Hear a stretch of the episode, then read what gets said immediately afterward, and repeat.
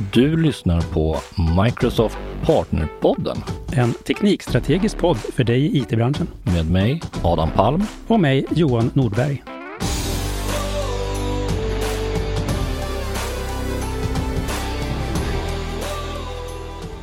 Hej och välkommen till ett nytt avsnitt av Partnerpodden. Idag är det bara jag faktiskt. Ingen, ingen Adam, för han behövde ta hand om sjuka barn. Eh, Men däremot så har jag fått med mig en gäst från Active Solution. Välkommen Robert Folkesson till Partnerpodden. Tack, tack så hemskt mycket, jättekul att få vara med. Det är, jag har senaste halvåret liksom fått mer och mer att göra med er på Active Solution. Och det, är, det är alltid ett himla trevligt gäng. Man undrar så här, det, vad, är, vad är hemligheten med Active Solution? Att det är, ni kan samla så mycket sköna människor. Tack, eh, ja men det, jag håller med. Det, är verkligen ett supertrevligt gäng med, med kollegor som jag har med mig som eh, roliga och duktiga och fantast, fantastiskt skarpa. Eh, så, så det är jättekul. Ja, men vi, vi har ju jobbat väldigt långsiktigt och länge med att hitta bra personer helt enkelt.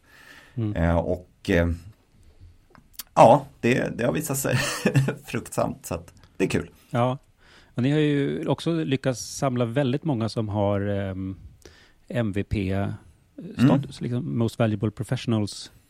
Eh, och jag tänker att det måste också vara någonting i kulturen, att det är någonting som faktiskt uppmuntras. Att, för det, det krävs ju att man gör ganska mycket saker publikt utanför Mm. jobbet och hjälper andra hela tiden. Och tänkte, det måste ju vara någonting som sitter i kulturen, att, än att det är någonting som alla bara gör på eget bevåg, eh, men ändå ska försöka hinna med ett fulltidsjobb. Ja men absolut, det är någonting som vi också har jobbat väldigt långsiktigt och medvetet med att se till att ge utrymme för det här. Och det gäller inte bara de som är MVP-er hos oss utan vi, vi har en väldigt stark delningskultur inom företaget där det är helt okej att sätta av tid för att förbereda en presentation åt sina kollegor eller kollegor och kunder och partners som vi bjuder in. Så vi uppmuntrar ju det väldigt aktivt. Så, så det är någonting som vi har jobbat mycket med. Ja. Det där kanske faktiskt, jag, jag har ju bjudit in dig idag för jag vill prata om eh, Well Architected Framework som i ja, men nu slutet av hösten kom en, en uppdaterad version. Just det. Ehm, så jag tänkte att du, du ska få hjälpa mig att gå igenom lite grann vad, vad det är överhuvudtaget och vad, vad uppdateringen Mm. är. Men en sak som, som jag noterade och som faktiskt kanske är lite relevant till det vi började med att prata om, att man lägger lite mer fokus på team och liksom kultur och inte bara teknik. Mm. Ehm, Ja, det, är, det är superintressant. Så det, det är någonting där man verkligen ser en, en skillnad mot hur det var tidigare. Så, så var den ju lite mer pang på rödbetan ner i, i eh, service guides-delen. mm. Eh, Så, så det är definitivt en del där, där man har lagt en väldigt stor vikt vid. Eh, Och pratar väldigt mycket om team och roller och behovet av utbildning. Eh, Så det, ja, Jag, jag har en liten, en liten spaning som jag tänkte kolla om du vad, du, vad du tycker om. Det känns som att när man pratar om eh, microservice-arkitektur, eller mm, jämfört med mer traditionell arkitektur, den riktigt stora skillnaden kan jag tycka är just hur man jobbar i ett team. Det är inte nödvändigtvis tekniken som avgör om det ena eller andra är bättre, utan det är hur organisationen och teamet ser ut som avgör om microservices eller en, kanske en monolit eller en modulär monolit är bättre eller sämre. Är, det- är det här någonting som du ser och håller med om eller är jag ute och cyklar? nej absolut. Eh, och eh, microservices handlar ju väldigt mycket om att ge möjligheten att jobba i både de miljöerna och med de teknikerna som passar bäst för det teamet som ska leverera affärsnytta för den microservicen som man ansvarar för. Eh, och det är därför jag tror också att de organisationer som har lyckats väldigt bra med det här, som ni på Microsoft själva naturligtvis, men som de här stora Netflix och Spotify och alla de där. Det är just därför att man har väldigt mycket utgått från just det att det handlar inte bara om att det är delar i, i lösningar som ska levereras utan det handlar väldigt mycket om hur teamen arbetar och hur man bygger upp organisationen runt de här eh, en, ganska autonoma enheterna som i vissa fall som hos Spotify till exempel ansvarar hela vägen ut till produktionssättning och monitorering och, och uppföljning i det de gör för den del, den microservice som de ansvarar för. Så absolut, jag håller med. Mm. Um, ska vi ta ett litet tre steg tillbaka och så bara mm. försöka sätta tonen för vad, vad är Well Architected Framework egentligen? Varför, varför kom det till och ja, vilket problem löser det? Um, så Well Architected Framework är ett arkitekturramverk och som många arkitekturramverk så är det ett sätt att försöka guida och hjälpa genom att försöka skära elefanten i lite olika ledder kan man säga.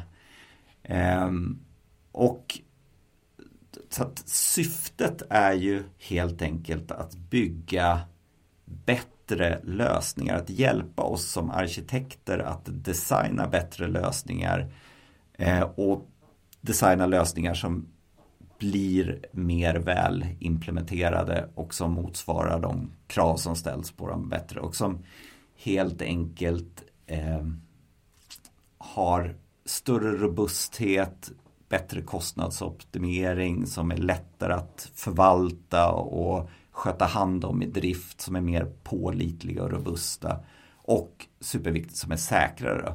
Och just de här områdena som jag nämnde då, det, är, det är de aspekter som man har valt att börja liksom skära den här elefanten i. Man kallar det för pillars i Well Architected Framework. Det är de aspekter eller områden som man belyser arkitekturen ur. Eh, och det, det är liksom ingångsvärdena för att börja ha en struktur för att titta på hur man kan skapa till exempel en bättre kostnadsoptimering. Eh, och det gör man då genom att erbjuda då ett jättestort eh, material i form av designprinciper som ni på Microsoft har samlat på er då efter alla år av att ha lärt er hur man bygger molnlösningar på ett så bra sätt som möjligt. Och de här designprinciperna, eh, det kan till exempel vara under eh, det man kallar för pålitlighet eller robusthet, reliability på, på engelska. Då. Eh, att man designar för att kunna eh, ta upp en lösning igen när någonting har gått fel. Så att man har ett antal principer som är viktiga att tänka på för hur man ska göra sina tjänster möjliga att återstarta, att, att eh, komma upp igen ur något läge där det har gått fel. Att läka sig själv helt enkelt som tjänst. Det är ett sådant exempel. Och sen så, det, det, jag tycker är så bra med Well Architected Framework, det är att det, det tar även med sådana här kärnfulla bra saker som eh, till exempel också under reliability så finns Keep It Simple som en designprincip.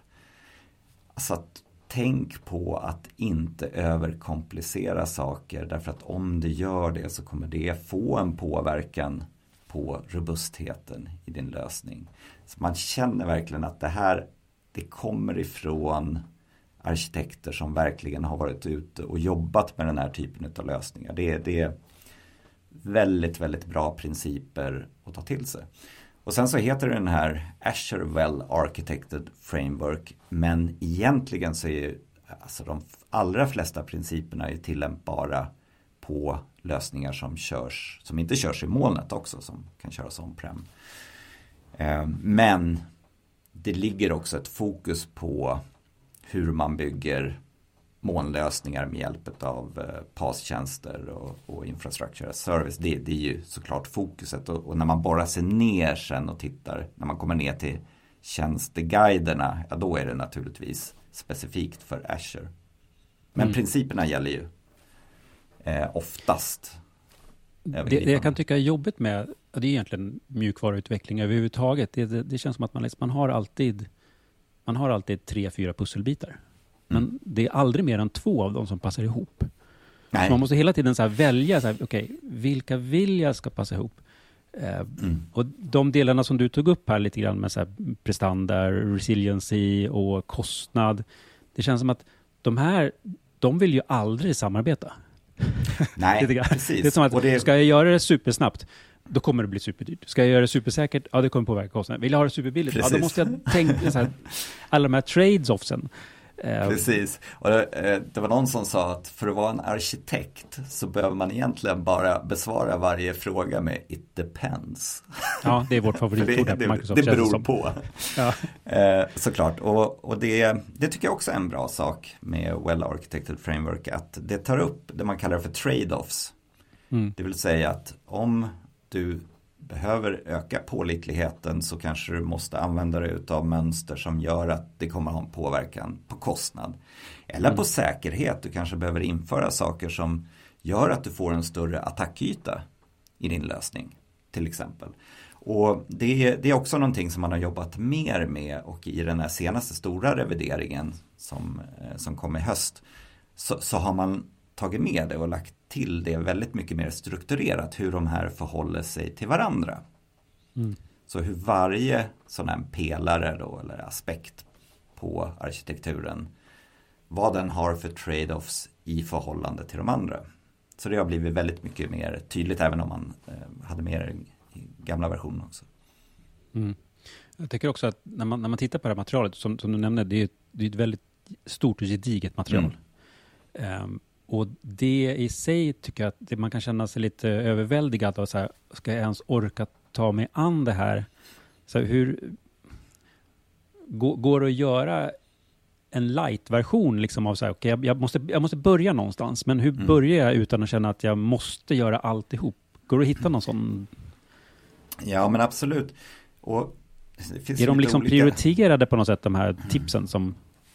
Ja, det, det finns ju lite olika sätt att tänka på där. Ett sätt är ju att du kan välja en aspekt som du tycker är viktigast Mm, och följa upp den. Om, om du känner på dig att ja, men i det här fallet så är vi, vi behöver verkligen titta på det här med säkerhetsglasögonen. Då kan du ju välja ut säkerhetspiller, pillaren, säkerhetsaspekten på det här och titta specifikt på det utifrån den aspekten. Mm, Eh, och de där kan man ju, sen kan man ju alternera igenom de där. Ehm, så att eh, det, det är ju ett sätt att, att skära upp det på då. Ehm, kan Jag till har exempel. jag har fått för mig ja. att det också är någonting som skedde nu i nya versionen, att man faktiskt har... Du får, du får gärna rätta mig om jag har fel, för jag tror att du kan det här mycket bättre än jag, men att det är lite grann som en, som en checklista som är sorterad i viktighetsordning. Alltså, att gör du det Ja, här, då just det. kommer du ha täckt Precis. in liksom 60% av allt som är viktigt och sen så Ja, blir de mindre och mindre, så när du kommer ner till botten, då... Det, det är liksom första punkten, det är att installera en värmepump istället för elelement. Och Mm. sista punkten, det är att släcka LED-lampan. Ja pre- precis. Och då kommer vi in på, på checklistorna då. Det, det är också en väldigt bra sak med det här att det finns väldigt tydliga checklistor som eh, checkar av vad du bör titta på. Precis som du säger så är de sorterade i viktighetsordning då. Eh, så för varje de här eh, område eller aspekt så, så har du ett antal checklistor som du kan gå igenom. Och det här är ju vi, vi pratade ju om team och, och teamsammansättning tidigare. Jag menar, vi, vi kanske har varit lite sena på Active Solution att ta till oss användningen utav Well Architected Framework just därför att vi har tyckt att ja, men vi har ju jobbat med det här i över tio års tid. Så det här sitter i ryggmärgen hos våra utvecklare och arkitekter. Men naturligtvis i takt med att vi växer och, och ombordar nya personer så det är väldigt bra att ha den här typen av extremt tydliga checklistor som du kan gå igenom för att verifiera att ja, men har du verkligen tänkt på den här principen inom eh, någon av de här pelarna. Och sen kan man även gå vidare då och eh, göra en assessment som det heter för att få ut en faktiskt, ett faktiskt värde på hur väl du lever upp till de här. Mm. Ja, jag tänker också, det lär ju finnas en, ett värde i att ett, en hel organisation, ett helt team har en gemensam bild av vad som är viktigt och hur man Mm. jobbar. Ehm, så att man inte har liksom 40 stycken ensamseglare, utan man har 40 personer som har en ganska gemensam bild av vart man är på väg någonstans. Mm. Eh, och, och som sagt var, de, det som det mynnar ut i i form av användning av mönster till exempel. Det, det är ju inte någonting som, som liksom man har uppfunnit inom det här ramverket utan det är ju väl beprövade arkitekturmönster som har funnits länge som man hamnar i och sen så vad mappar de mot för faktiska tjänsteimplementationer då när man ska bygga en lösning i Azure med hjälp mm. av det här. Ja, där ser man ju jättestor skillnad på liksom val av tjänst, hur det kan påverka kostnad och CO2-avtryck till exempel.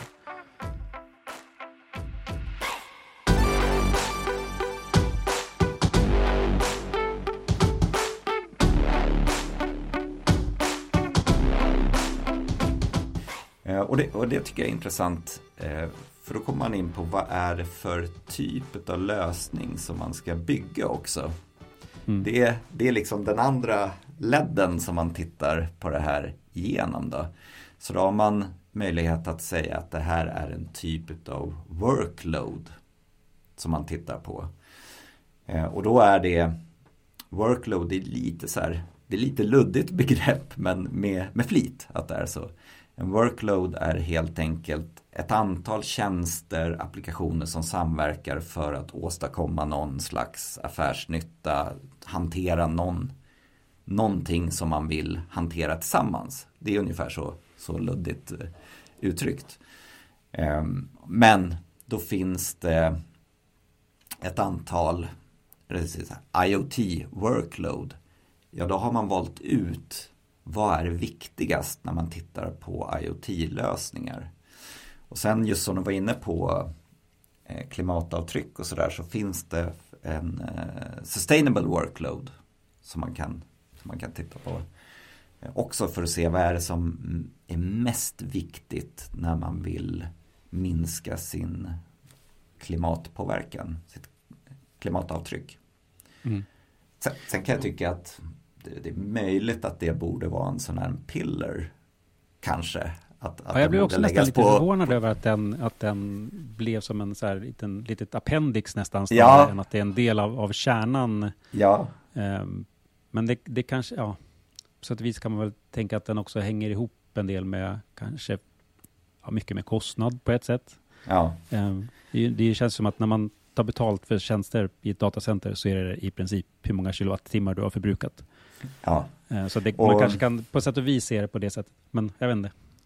Nej, och det, och det är lite intressant för att den där pratar man ju kanske inte så mycket om trade-offs med de andra utan mer synergier, åtminstone med kostnad. Och, men även i många fall med eh, alltså, driftsäkerhet och operational excellence som man kallar det. Alltså att, att göra det här så bra automatiserat som möjligt. Det, det, kan ju vara ett led i att göra det möjligt att minska, både minska klimatavtrycket, göra den eh, mer robust lösningen och, eh, och faktiskt minska kostnaden. Och det är intressant. Ja, och, och, så det är mer, mer så, synergier än trade-offs. Ja, och kanske lite som att du var inne på tidigare också med att här, det, det, är en aspekt av det att försöka hålla saker enkelt.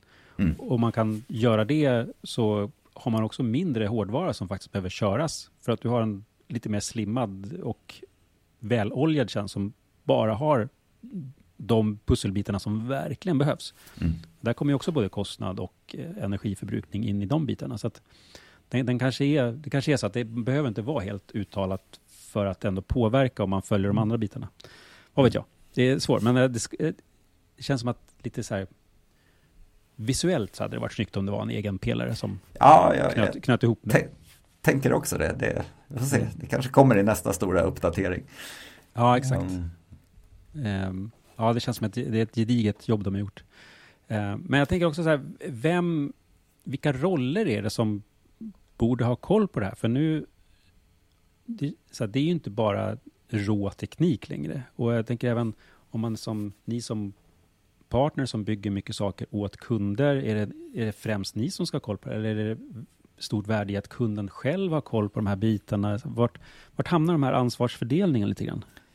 Ja men precis, jag, jag, tycker definitivt att det här är någonting som kunder också ska ha koll på.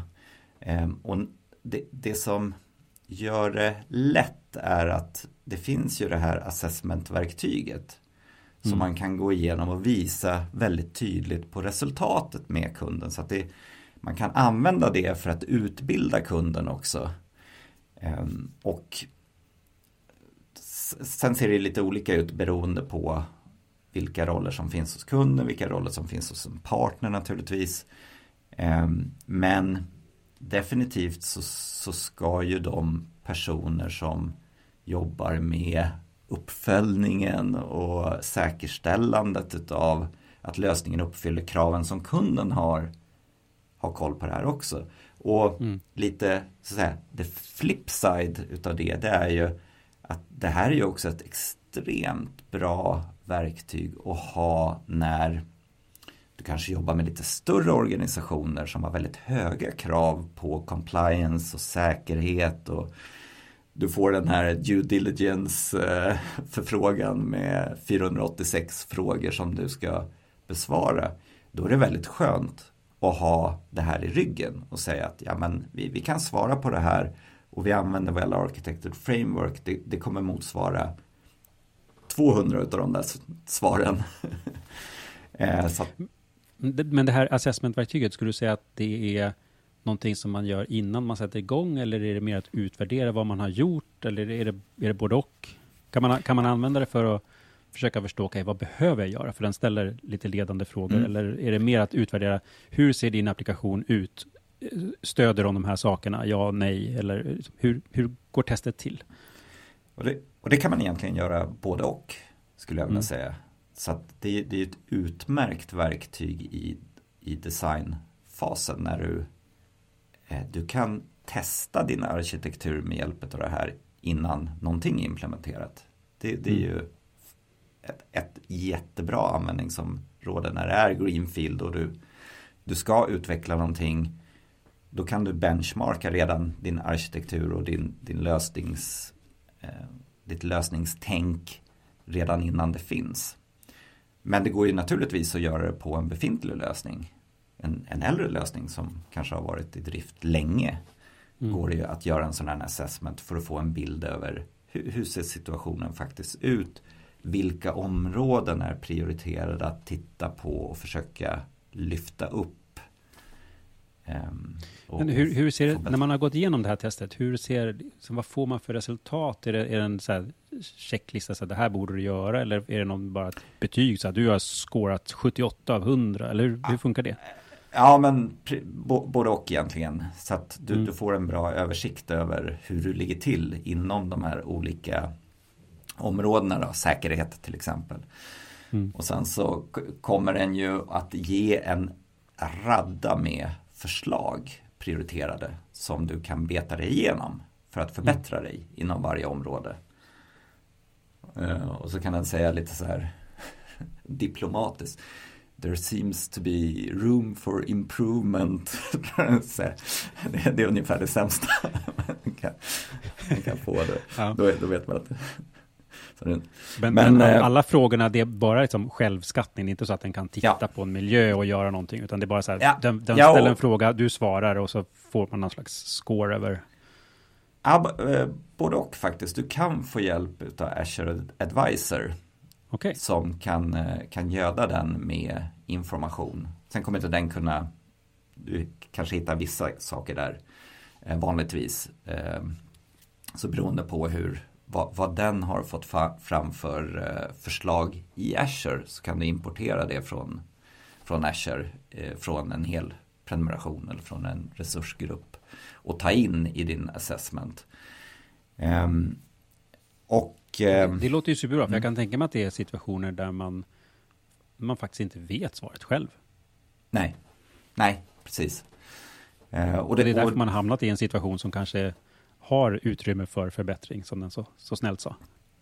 Precis, och det, det kan ju också vara en väldigt nyttig övning i sig att förstå vad man inte ens vet om.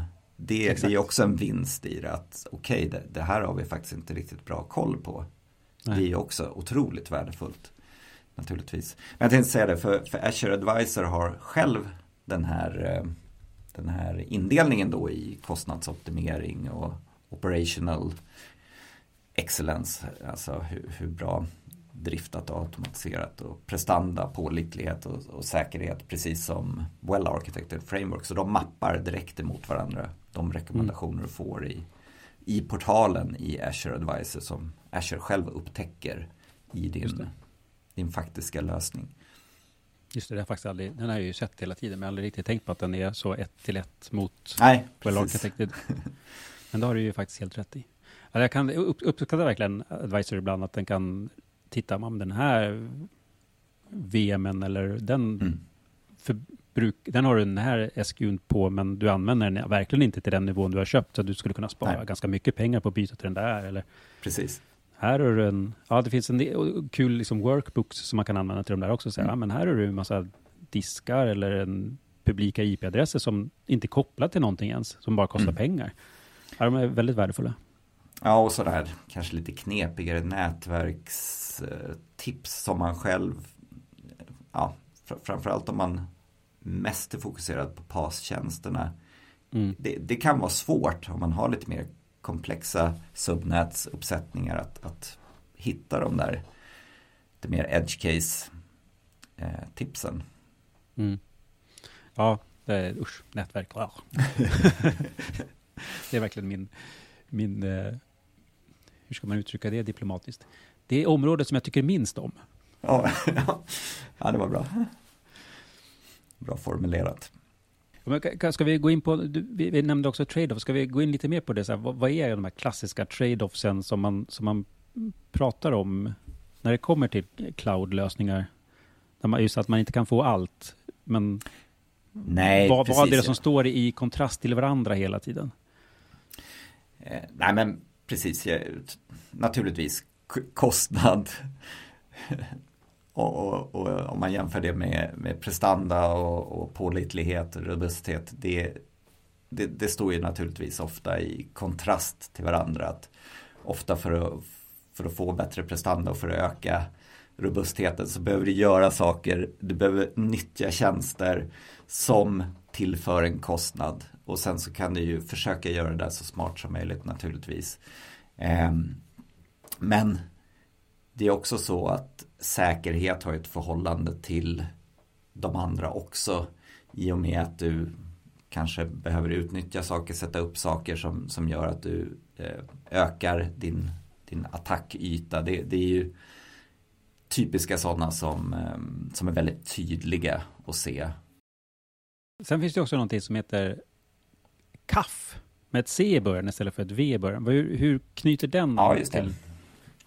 Cloud, vad är det för något? För, Cloud de, Adoption hör de termerna hela tiden. Ja, precis. Ja, men precis. Eh, det är egentligen ett sätt att få grepp om hur du planerar din alltså molnresa om man vill använda lite, här, lite luddigt begrepp. Men egentligen hur du på en mer organisatorisk övergripande nivå gör det så bra som möjligt med också med bra checklistor, också med bra assessment tool för att få dig att eh, samverka mellan de eh, avdelningar som behövs för att man kan säga, bygga grundarbetet då kanske både hos partnerföretag men hos kunder för att jobba med det som eh, man vill bygga i molnet eller som man vill lägga upp i molnet på ett så bra sätt som möjligt. Så det är lite mer övergripande på eh, mer affärsinriktad nivå men naturligtvis så knyter an då till de spe specifika workloads sen som man får hjälp till exempel att eh, eh, prioritera i det här eh, Cloud Adoption Framework så knyter det an till där waffen tar vid då för att se då hur ska man designa de här lösningarna sen. Så att det, målgruppen är lite, både dels lite grann när i tiden man gör det, om man ser från liksom mm. att vi planerar att gå till målet till att vi har levererat, så där kommer kaffen absolut, Cloud Adoption Framework absolut först och sen tar ja. Well Architected Framework vid. Men det låter också som att det är lite andra personer i organisationen som kanske är mer intresserade av det ena och den andra, eller? Tolkar jag det rätt? Eh, ja, men det, det, skulle jag vilja säga. Eh, så att eh, Cloud Adoption Framework, det, det, är fortfarande arkitekter, men det, in, det, det rör sig mer kring eh, affärsutveckling, ledning, styrning. Eh, den, så, lite mer beslutsfattare än hands-on ja. personer liksom? Mm. Ja. Det är så mycket man måste lära sig hela tiden. Ja, men... Är det, är det då man, tar, är det, då, då man det, säger bara, äh, jag ger upp, jag tar hjälp av en partner istället? Eh, ja, alltså det, vi, vi förespråkar såklart att det, det kan vara bra ibland att använda partners, men jag tycker att det är en väldigt kort startsträcka att komma igång med Well Architected Framework och man behöver inte kunna så jättemycket om det för att komma igång och börja använda det därför att det är gjort för att mm. du ska guidas in i hur du använder det på ett väldigt väldigt bra sätt faktiskt. Det är hatten av till, till er ja, på Microsoft som har tagit fram det här. Jag tror jag faktiskt, jag vet inte om, jag, om, jag, om det var klokt eller om jag började i fel ände, men jag, jag började faktiskt att testa göra ett assessment bara för liksom någon okay. piller, bara för att se så här, 17 mm. är det här för någonting? Och sen mm. så det födde lite mer intresse för att dyka ner i de här mer guideline-bitarna. Mm. Um, så att det man kan alltså, börja någonstans. Mm. Det är väl det enda man kan göra. Mm. Nej men absolut. Ja, och det, ett problem är ju naturligtvis att det finns så otroligt mycket skrivet om det och ibland refereras det till äldre version och ibland finns det, hittar man artiklar på nätet och sådär som kanske inte riktigt stämmer överens med hur allting ser ut idag. Det är ju som vanligt med när det finns, det finns väldigt mycket information men mm. jag tycker ändå att det som finns på Microsoft Learn nu inklusive någon väldigt bra liksom det här är tar du igenom den här sidan så, så förstår du vad Well Architected Framework är för någonting. Den, den borde, tycker jag, alla som jobbar med Azure-arkitektur i någon form titta på och ta sig igenom. Mm. Mm, ja, jag håller med dig. Det är mycket, mycket bra material där. Och jag, jag måste säga, jag gillar verkligen att det är liksom lite grann rangordnat över vad, vad Microsoft har ansett att det här är de viktigaste bitarna. Sen, mm. Men det, det, finns mer om du vill. Liksom. Mm. Så man får lite, man lite grann som en, någon har gjort en playlist över vad som är, du borde ha koll på. Mm. Mm. Och, och, man märker också att det är de som har tagit fram det här, det är personer som har jobbat på riktigt ja. med den här typen av lösningar. Exakt. Ja, ja men vad bra. Um, hoppas, jag blir, blir lite klokare av, av det. Jag hoppas att eh, folk som lyssnar också blir lite klokare på det. Ja, jag hoppas sagt, jag tror att, här, det. bästa, bästa sättet är nog bara att, att kliva i den där poolen och bli blöt om fötterna så får man Absolut. se vart man kan börja någonstans. Eh, yes. Uh, och det är ju väldigt enkelt att titta här också. Adressen för att kolla på det här, jag kommer lägga länkar i beskrivningen såklart, men bara aka.ms WAF, Well Architected Framework. Så där kan man hitta mer och, och börja titta. Men du Robert, stort tack för att du tog dig tid att prata med mig och eh, vi, vi kastar med, pratar med Adam också, även om han inte råkar vara med idag, men han, han är här i sinnet. Jättekul att få vara med. Tack så mycket. Du har lyssnat på Microsoft Partnerpodden, en podd av Microsoft Sverige med mig Adam Palm och mig Johan Nordberg. Som vanligt hittar du länkar och resurser på aka.ms partnerpodden. Maila oss gärna på partnerpodden at microsoft.com.